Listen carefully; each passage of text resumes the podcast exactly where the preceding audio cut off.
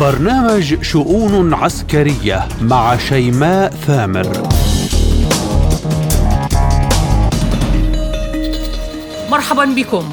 بعد تفكير طويل بحسب تعبيره بايدن يفعلها ويوافق على تزويد كييف بالذخائر العنقودية وانقسام دولي حول ذلك القرار. موسكو تؤكد الحرب العالمية الثالثة قادمة لا محالة وأمريكا تريد القضاء على ثلثي أهل الأرض. قبيل قمة الناتو بأيام الأمين العام لحلف شمال الأطلسي يصرح قائلا سننشئ مجلسا لأوكرانيا أدعو إلى زيادة الإنفاق الدفاعي والحلفاء سيدعمون أوكرانيا بحزمة متعددة السنوات حتى تكون أقرب للناتو وهذا التصريح يكشف النية الحقيقية. هدنة من ورق. هكذا يراها المراقبون للمشهد اليمني. تحشيد عسكري لأنصار الله على الحدود مع السعودية وعرض بمختلف الأسلحة. ومجلس الأمن الدولي يستعد لعقد جلسة خاصة لمناقشة الأوضاع باليمن. ولسان الحال يقول اجتمعتم أم لا؟ فلا نتيجة منكم الناس من تدفع ضريبة الاجتماعات والقرارات. بعد إعدام مدانين بتفجير مرقد ديني لحفيد أحد الأئمة في إيران. الحرس الثوري الإيراني يحبط هجوما مسلحا على مركز شرطة بمدينة زهدان واشتباكات مسلحة يوم أمس. من يقف وراء ذلك؟ هل هو خرق أمني أم انتقام للإعدام؟ السؤال الأهم ما هي التداعيات التي تواجه إيران أمنيا ومن خصومها بالداخل أم في الخارج الإيراني؟ كل ذلك وأكثر أناقشه مع ضيوفي اليوم بشؤون عسكرية عبر وكالة سبوتنيك الإخبارية بموسكو. اصحبكم بها أنا شيماء ثامر تفاصيلها بعد الفاصل.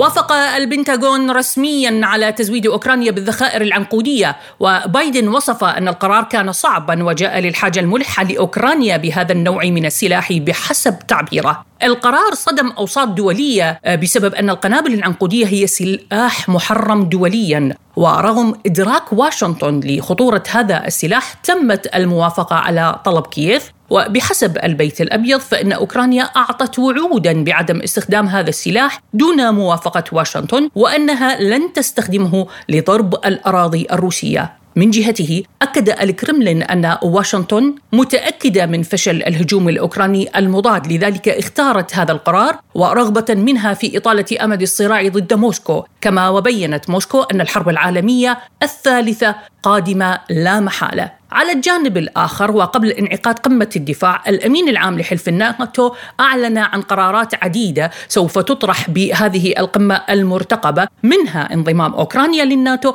وحزمة مساعدات وقرارات أخرى. للحديث بشكل موسع عن مستجدات الملف الروسي الأوكراني ومناقشة قرار البنتاغون استقبل معي عبر الهاتف الخبير العسكري الاستراتيجي الدكتور أحمد الشريفي. أحييكم دكتور معنا وشكرا على قبول الدعوة.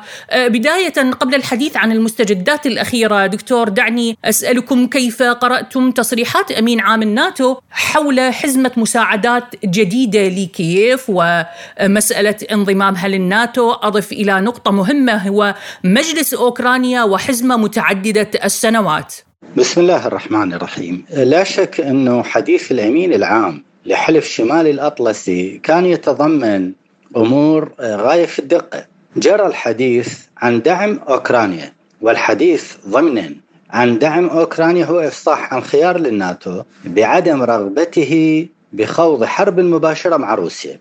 لذلك هو يستمر في الحديث عن دعم أوكرانيا وليس الحديث عن الخيار خيار المواجهة المباشرة مع روسيا. وبالمناسبة هذا الأمر أيضا روسيا تتبناه على اعتبار أن روسيا لا زالت تتحدث عن العمليات الخاصة لم تتحدث عن الحرب. الخشية من الصدام المباشر آه، لدى الولايات المتحدة أنه إذا حصل صداما مباشرا بين الولايات المتحدة وبين روسيا فستستثمره الصين استثمار كبير. ستستثمر آه، انشغال كلا الطرفين في الحرب المباشرة للتمدد. وفي تقديري لا زالت المخاوف الأمريكية. من الصين أكبر بكثير من آه، روسيا. لأن روسيا لديها مجالا حيويا ولديها رؤية استراتيجية فيها خصوصية من حيث الجغرافيا ومن حيث المكان فضلا عن أن روسيا مصدر مهم وحيوي للطاقة. وبالتالي مسألة الإبقاء على توازن العلاقة حتى في إدارة الصراع مع روسيا ضامن لاستقرار وضع الطاقة وأسواقها. ومصادرها ومعابرها. من قبل نوع من الهدوء النسبي بين روسيا وبين الولايات المتحدة، أما الصين فستستثمر أي انهيار يكون بسبب تداعيات الحرب لصالحها. فالولايات المتحدة تخشى من هذه المعادلة. لذلك هي لن تتبنى خيار الحرب المباشرة مع روسيا. قد تكون مثل هكذا فعاليات الغاية منها سواء كانت على مستوى التصريح أو على مستوى الدعم الميداني. هو دفع روسيا إلى القبول بمفاوضات ليست بشروط أو بسقوف آه، مطالب عالية. طيب دكتور حصل ما كان الجميع يتوقعه بايدن وافق على تزويد أوكرانيا بالذخائر العنقودية. هذا السلاح المحرم دوليا ما تداعيات هذا القرار عسكريا؟ موافقة بايدن تأتي في ظرف ضاغط ميدانيا لأنه كان هناك رهان واضح عبر آه، دعم آه، الهجوم الذي تبنته أوكرانيا كخيار. وتم المراهنة على أنه هذا الهجوم سيكسر خطوط الصد وسيقلب المعادلة تعبويا على المستوى الميداني. الذي ثبت وبالدليل أن هناك صلابة للخطوط الدفاعية الروسية إلى الحد الذي لم آه، تستطع فيه أوكرانيا من اختراق آه، خطوط الدفاع الروسية. وبالتالي أما الإعلان عن هزيمة أو إدامة زخم المعركة ولكن بوسائل وأدوات جديدة وهي استخدام الجو عبر طائرات الدرون في القيام بعمليات التجريد آه، عبر ضربات تستهدف مخازن الأسلحة أو مراكز التجمعات البشرية، كيف يتم ذلك؟ وجدوا أنه الدرون ممكن أن يقوم بعملية استهداف لمخازن الأعتداء، ولكن الدرون بما أنه بالأساس آه، حمولته محدودة فلا يستطيع أن يلحق خسائر بالقوى المتخندقة والمتموضعه في خطوط الدفاع التي تصنف إنها خطوط دفاع رصينة وصلبه، ولم يجري تليينها حتى عبر ضربات المدفعية التي جاءت بها آه، جاء بها حلف الناتو وزودها بأوكرانيا كالهيمارس وفشلت المدفعية بالرغم من كفاءتها في إحداث شرخ أو ثغرات في خطوط الدفاع الروسية. وعلى أساس ذلك لم يوفق الهجوم في تحقيق الأهداف المرجوه منه، لذلك بدأوا باللجوء إلى مسألة القنابل العنقودية، طبعا هي بها بعدين أما أن تلقى من الجو وهذا أمر مستبعد لأنه لا تمتلك أوكرانيا. طائرات قادرة على أن تحمل القنابل العنقودية المحمولة جوا وإسقاطها. خلف خطوط الصيد لما تمتلكه روسيا من سيطرة بل سيادة جوية مطلقة سواء كان على مستوى الرصد والاستمكان الراداري أو على مستوى منظومات الدفاع الجوي وطائرات المقاتلة الانترسبتر أو المتصدية الجوية. فإذا آه، سيكون اللجوء إلى آه، استخدام الأرض لإطلاق هذه المقذوفات. هذا إن نجحت في تحقيق هذا الأمر. لأنه حتى إذا استخدمت المدفعية لأنه يا ما من الجو وقلنا متعسر استخدام الجو بريا إذا استخدمت المدفعية والمدفعية بعيدة المدى وأرادت نشرها فايضا في ظل السيادة الجوية قد تكون صيد سهل إلى الطيران الروسي عبر عمليات الإسناد المباشر أو غير المباشر في ضربها قبل أن تتمكن من إطلاق المقذوفات للمقذوفات للقنابل أو القنابر العنقودية. المفارقة الغريبة انه هذه الأسلحة محرمة دوليا وهناك اتفاقية أو معاهدة دولية وقعت عليها أكثر من 110 دولة على عدم استخدام هذه الأسلحة بل وصلت إلى أبعد من ذلك عدم تخزينها. يعني عدم استخدامها محرم ومحظور دوليا ومتصالحة عليه أكثر من 110 دولة وقعت على هذه الاتفاقية وحتى تخزينها هو أيضا محرم دوليا لأسباب تتنافى وحقوق الإنسان. وإذا بررت الولايات المتحدة مسألة إنه آه، لا توجد لا يوجد سكان مدنيين قد يستهدفون فمن الضروري جدا أن تدرك حقيقة أن الحرب هي حرب جبهة داخلية ومعنى ذلك أن السكان المدنيين متواجدين في مناطق وفي خطوط الاشتباك لأنه هذه ليست حروب جبهات خارجية وإنما جبهات داخلية ووجود السكان المحليين وارد. فاذا هو انتهاك لحقوق الإنسان وفيه أبعاد كثيرة. المفارقة الغريبة أن الحلفاء الرئيسيين أو الأساسيين للولايات المتحدة هم موقعين على هذه الاتفاقية، اتفاقيه حظر الأسلحة العنقودية بشقيها سواء كان الجوي أو الأرضي وفي مقدمتهم بريطانيا وفرنسا وألمانيا. فهذا سيسبب حرج كبير جدا إلى الولايات المتحدة في قضية حقوق الإنسان والمسألة الأهم. أنه أخذت قضية الموافقة نقاش فاق الستة أشهر من أجل المداولة ودراسة أبعاد وتأثير مثل هكذا قرار، ولكن في تقدير أن الولايات المتحدة وجدت لا خيار لأنه معنى ذلك إذا لم تزود بالقنابل العنقودية فمعنى ذلك أنه سيكون هناك صمت أوكراني قد يدفع الروس باتجاه القيام بهجوم مضاد يؤدي إلى الحصول على آه، أراضي أوسع أو قد يكون هجوم الغاية منه ضرب أكبر عدد من الموارد البشرية والقدرات البشرية والتسليحية وتدميرها في أوكرانيا ثم الانسحاب وإعادة ترسيل خطوط الدفاع. وهذا أيضا سيلحق الضرر في معادلة التوازن.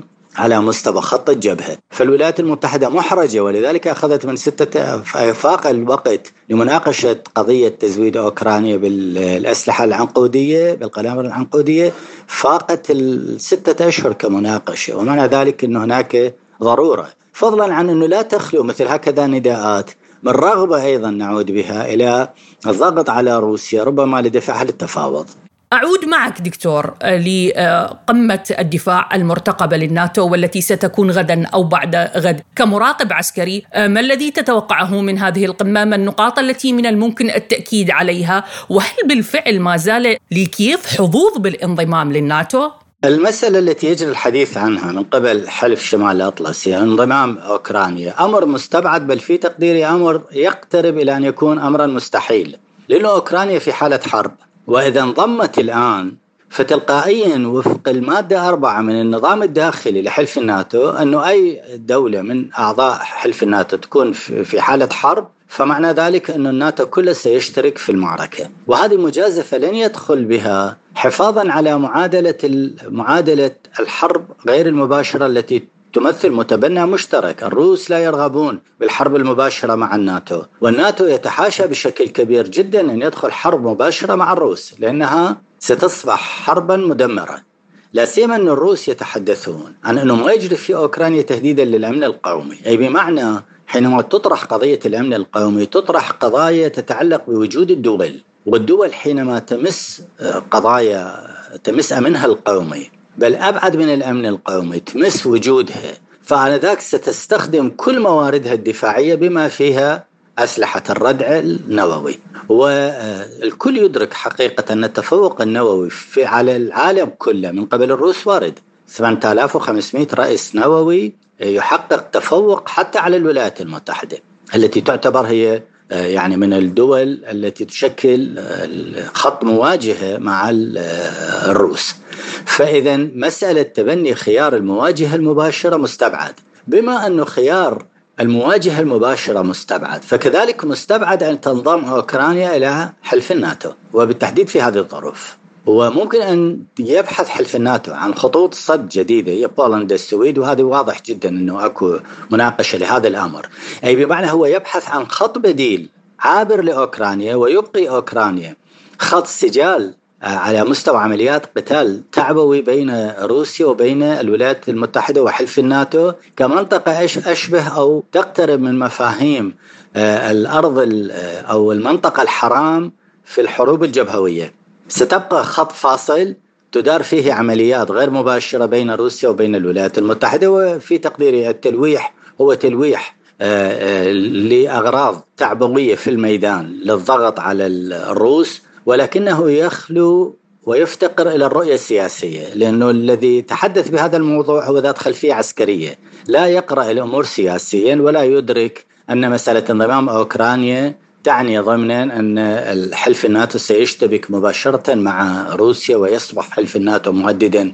للأمن القومي الروسي وآنذاك ستحصل روسيا على مبرر لتوسيع عملياتها والانتقال من العمليات الخاصة إلى الحرب. فلذلك لن تعطي الولايات المتحدة هذه الفرصة ليس فقط خشية من التصعيد مع روسيا وفيه من المحاذير الشيء الكثير ولكن أيضا آه، ناظرة الولايات المتحدة للدور الصيني قد يستثمر مثل هكذا آه، فعاليات ميدانية لذلك نستبعد خيار انضمام أوكرانيا إلى حلف الناتو بشكل في تقديري كبير جدا. أه، ختاما أه، دكتور، روسيا أكدت أن مسألة الذخائر العنقودية توحي إلى اقتراب الحرب العالمية الثالثة، ما تداعيات حدوث ذلك؟ هل فعلا اقتربنا من مشهد النهاية؟ بالحقيقة فيما يتعلق بقضية الحرب العالمية الثالثة فالجميع يخشاها لأنها ستكون حربا مدمرة لا رابح فيها. الكل سيخسر. لذلك التوجه واضح جدا أنه سيكون هناك توجه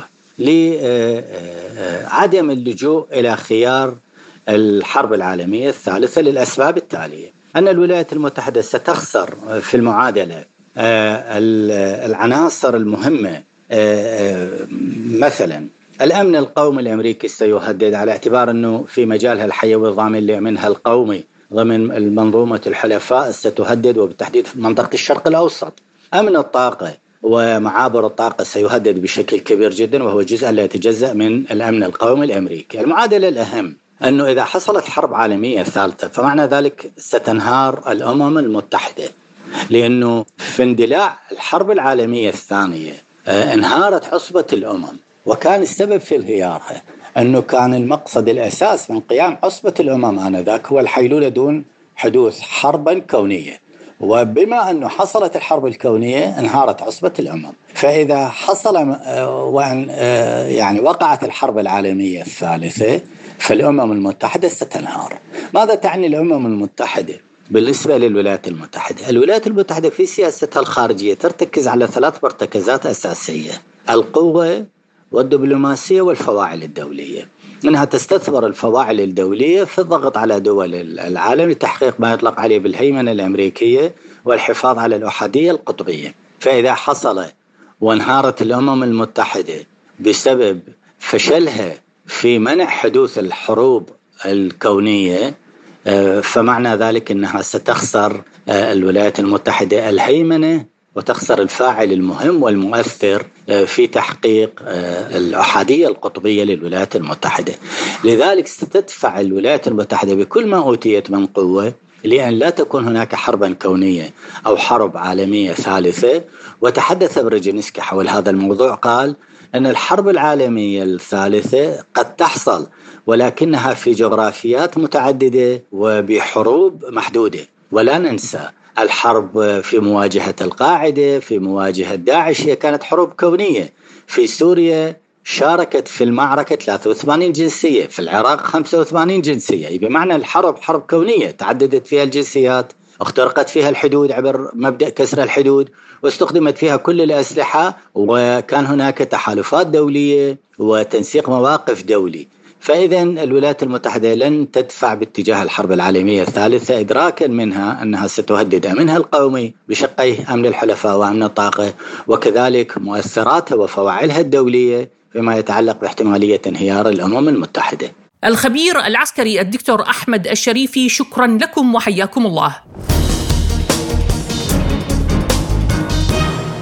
إلى اليمن. نفذت حركة أنصار الله عروضا عسكرية كبيرة على مقربة من الحدود السعودية احتفاء بما تسميه يوم الولاية. العروض العسكرية شملت استعراضا للعديد من الأسلحة الثقيلة المتنوعة والآليات القتالية، وتوعد قادة أنصار الله في الجبهات بقتال مجدد متهمين الجيش السعودي باستمرار القصف على مناطق حدودية، فيما يستعد مجلس الأمن الدولي لعقد جلسته القادمة لمناقشة المشهد في اليمن. ليبقى السؤال وماذا عن الهدنة؟ وما هي رسائل أنصار الله من التحشيد على الحدود السعودية؟ للإجابة عن ذلك ينضم معي عبر الهاتف الخبير بالشأن اليمني الأستاذ نبيل البكيري أهلا بكم أستاذ نبيل معنا وبداية تحشيد عسكري لأنصار الله على الحدود مع السعودية عرض عسكري بمختلف الأسلحة والمعدات كيف تقرأ ذلك؟ ما هي الرسائل منه؟ آه، مرحبا آه، في بداية الأمر أنا باعتقادي أنه مسألة هذه التحشيدات العسكرية بالنسبة لجماعة الحوثي هذه سمة بارزة لدى هذه الجماعة منذ التأسيس أنها جماعة آه، مسلحة متمردة لا يمكن أن تجد مكانا لها مناسبا سوى في الحرب. وبالتالي ما تقوم به من تحشيدات عسكرية بين حين وآخر. الآن في إطار ما يسموها بالهدنة وهي يعني ليست وصفا دقيقا لما يجري في اليمن إنما هو استراحة محارب لكل الأطراف وخاصة جماعة الحوثي. وبالتالي هذا التحشيد الذي على الحدود السعودية هو رسالة واضحة للسعودية إنه ورسالة واضحة أيضا إنه مؤشر واضح أن مسألة الهدنة ليست حقيقية وأنها نوع من استراحة كانت مطلوبة للجميع لكي يرتب صفوفه واوراقه وبالتالي أنا باعتقادي انه هذه المناورة أو هذا التحشيد هي مؤشر لمواجهة عسكرية قادمة وكبيرة ستكون هذه المرة. ولا يمكن أن يتم التفكير بحلول سلمية في اليمن في إطار عدم المقاربة الجذرية للأزمة اليمنية القائمة على فكرة آه، سقوط الدولة واستعادة الدولة وإسقاط الانقلاب على هذه القاعدة لا يمكن البحث عن حلول سياسية أو هدى مهما آه، تعلل المجتمع الدولي أو تعللت الأطراف آه، المعنية في الداخل اليمني والإقليمي طيب أستاذ نبيل، كيف تقيم الهدنة حتى هذه اللحظة؟ يعني البعض يرى أن الهدنة لن تستمر طويلا ويراهن على أنها قد تخترق بأي لحظة، كيف تنظر إلى ذلك؟ مسألة الهدنة أنا باعتقادي يعني آه، أخذت أبعادا وأحمالا أكثر من حقيقتها.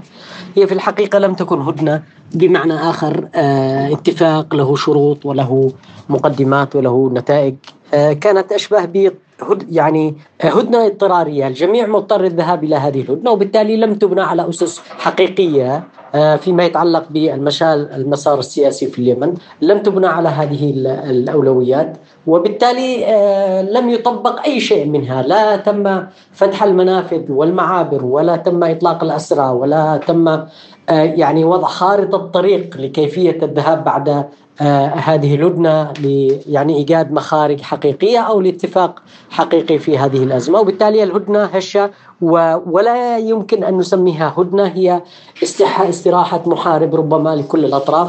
سيذهبون بعدها لمواجهات كبيرة. ختاما يعني أستاذ نبيل مجلس الأمن يستعد لجلسة خاصة من أجل ملف اليمن. ما الذي سيكون برأيك على طاولة النقاش؟ ما القرارات التي يمكن أن تخرج من هذا المجلس لإنقاذ اليمن؟ وهل تعولون كثيرا على تلك القرارات كيمنيون؟ أه، بالنسبة للمجتمع الدولي أو للمجلس الأمن أنا باعتقادي لم يعد أه، يعول اليمنيون عليه طويلا أو كثيرا. مجلس الأمن أصبح آه، مساهم في بشكل أو بآخر باستماله في استماته هذه الأطراف أو في طول أمد الحرب والأزمة في اليمن لأنه آه، يعني مجلس الأمن منذ اللحظات الأولى لهذه الأزمة وهو متدخل في الشأن اليمني. تسلم مجلس الأمن الملف اليمني وهناك دولة وجيش وهناك يعني مسودة خارطة طريق وهناك مسودة دستور الجميع كان يعني سلم كل هذه الأوراق للمجلس الأمن الذي كان يرعاها وما إن استلمت هذا المجلس الأمن هذا الملف حتى تشظت اليمن حصل انقلاب تشظت اليمن بالشكل الذي نراه اليوم. مجلس الأمن لم يقدم أي حلول حقيقية أو بمعنى آخر لم يكن صادقا وجادا مع اليمنيين بقدر ما عمل على تسيير وإدارة هذه الأزمة وإطالة أمدها وبالتالي أنا باعتقادي لن يكون هناك أي قرارات حقيقية لأنه في حقيقة الأمر هناك قرار جوهري آه، تم تخطيه بقرارات أخرى كان القرار 22 16 هو القرار الوحيد الذي ممكن قارب الأزمة اليمنية بدقة واستطاع أن يضع الحلول المناسبة حينها لتلك الأزمة. لكن للأسف مجلس الأمن أول من تنكر لهذا القرار وتجاوزه بقرار آخر تاليا وبالتالي لا أحد يعول على مجلس الأمن في ماذا سيتخذه بخصوص الأزمة والحرب في اليمن كل ما هنالك مجلس الأمن يريد الاستمرار الإمساك بالملف اليمني وإطالة أمد هذه الحرب وتسيير شؤون الأزمة بالطريقة التي آه، واضعها آه، من يديرون هذا المشهد الدولي آه، الحالي.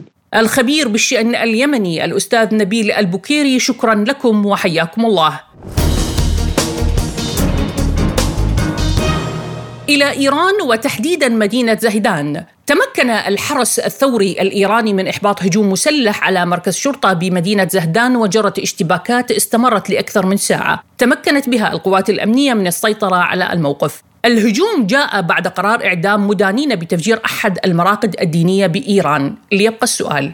ما التحديات الأمنية أمام طهران؟ من المستفيد من زعزعة الأمن فيها؟ هل أعداء في الخارج أم خصوم في الداخل الإيراني؟ لمناقشة ذلك أستقبل معي عبر الهاتف من إيران الخبير بالشأن الإيراني الأستاذ مصدق بور. أهلا بكم أستاذ مصدق معنا بشؤون عسكرية وبداية كيف نظرتم إلى الأحداث التي حصلت يوم أمس في زهدان؟ هل هو خرق أمني؟ هل عمل إرهابي؟ كيف تنظر إليه كمراقب للمشهد الإيراني؟ طبعا ما حدث اليوم في مدينة زاهدان جنوب شرق إيران ويأتي في إطار مسلسل يعني آه، إرهابي يستهدف آه، الجمهورية الإسلامية الإيرانية من قبل قوة آه، إرهابية وقوة تكفيرية ممولة من الخارج يعني خاصة من بعض الدوائر.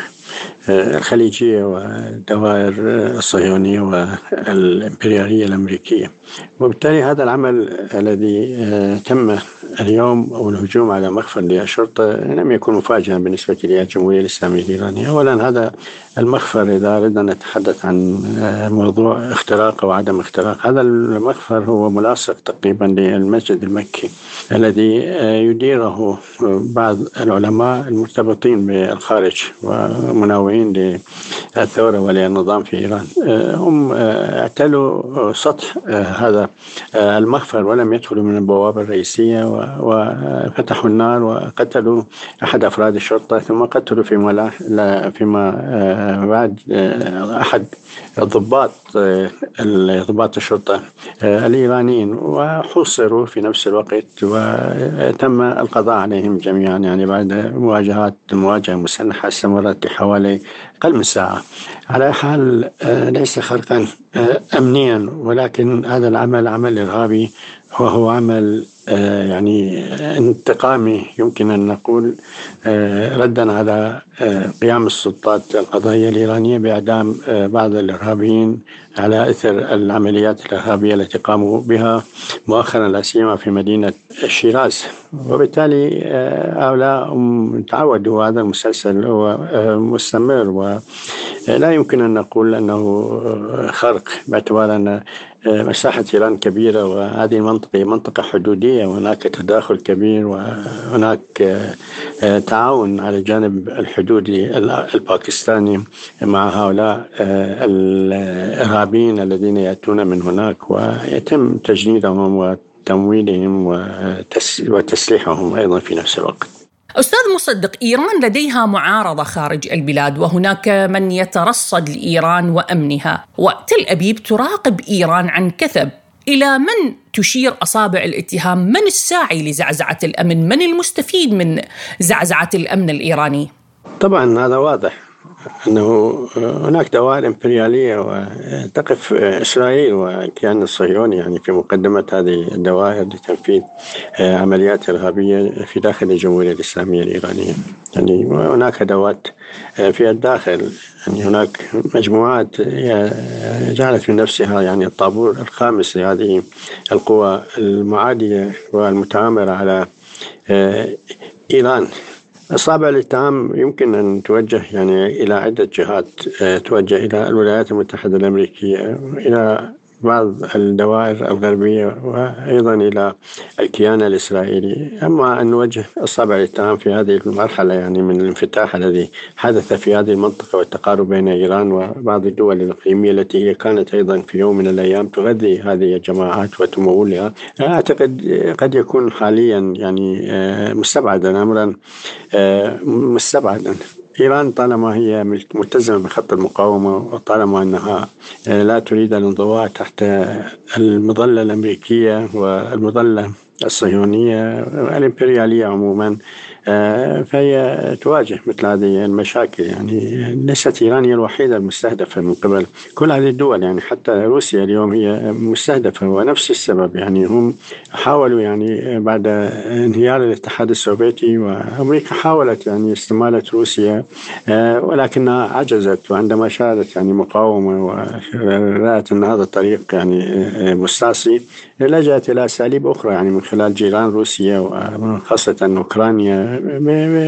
تآمر على آه، يعني آه، روسيا. ويعني حاولوا أن أن يطعنوا روسيا يعني آه، من هذه الخاصرة يعني الخاصرة الأوكرانية. وبالتالي بدأوا بانقلاب ملون وثم جاءوا برئيس عميل لهم وبدأت المؤامرات ما شعر الجانب الروسي وتصدى لهم. على حال هم يتآمرون على كل دولة وكل نظام لا يريد الانضواء تحت المنظومة الصهيونية ويبقى أن ذلك النظام يجب أن يقاوم. وهذه المقاومة طبعا ليست من دون ثمن هذه المقاومة تدفع تكلف يعني ثمن كبير وتتطلب أن يكون هناك صبر وهناك يعني جرأة أيضا في نفس الوقت وهناك تجاوب من قبل القاعدة الشعبية. الحمد لله في إيران هذا الشيء موجود. يعني بعد 40 عام من هذا الحصار الاقتصادي الخانق يعني لا تزال القاعدة الجماهيرية هي هي لم لم تتخلى عن النظام بشكل كامل يعني. آه، ربما هناك استياء اقتصادي ولكن آه، هناك آه، تفاهم واتفاق يعني على الأمور المبدئية يعني. بقاء النظام هو بقاء كل إيران وبالتالي يتحمل الشارع الإيراني الجوع يتحمل المرض يتحمل كل هذه الصعاب لأنه يعلم يعني أن ليس هناك أي بديل آخر. يعني البديل سيكون انهيار وتمزق إيران. على حال يعني إيران تواجه صنوف المؤامرات من عدة جهات كما قلت وليس من جهة أخرى. ولكن هذه المؤامرات تنفذ يعني كما قلت عبر أدوات داخلية وأدوات أيضا مستأجرة تأتي من خارج الحدود من الأراضي الأفغانية من الأراضي الباكستانية من من الأراضي العراقية وحتى من أذربيجان. وبالتالي هناك تقالب يعني هناك يعني مساعي خبيثة محمومة جدا لاستهداف إيران ومحاولة يعني النيل من من من صلابتها من قدرتها وبالتالي هناك أنواع تحرش يعني هناك تحديات أمنية يعني هذا ما الذي تحدثت عنه يدخل في إطار التحدي الأمني ولكن هناك آه، تحدي اقتصادي كما آه، قلت أيضا فيما يتعلق بالحظر. وأيضا هناك آه، تحديات عسكرية أيضا في نفس الوقت. يعني هناك تلميحات هناك تهديدات وأيضا هناك تهديدات تستهدف الأمن الإيراني هناك تجنيد لجماعات مسلحة وتمويلها وتسليحها ودعمها إعلاميا استخباريا لوجستيكيا وأنواع الدعم لكي تنفذ مخطط تآمري وتقوم بهجوم أو عملية إرهابية. تحاول تلك القوى أن تستفيد منها للنيل من القدرة الإيرانية. نعم الخبير بالشأن الإيراني الأستاذ مصدق بور شكرا لكم وحياكم الله.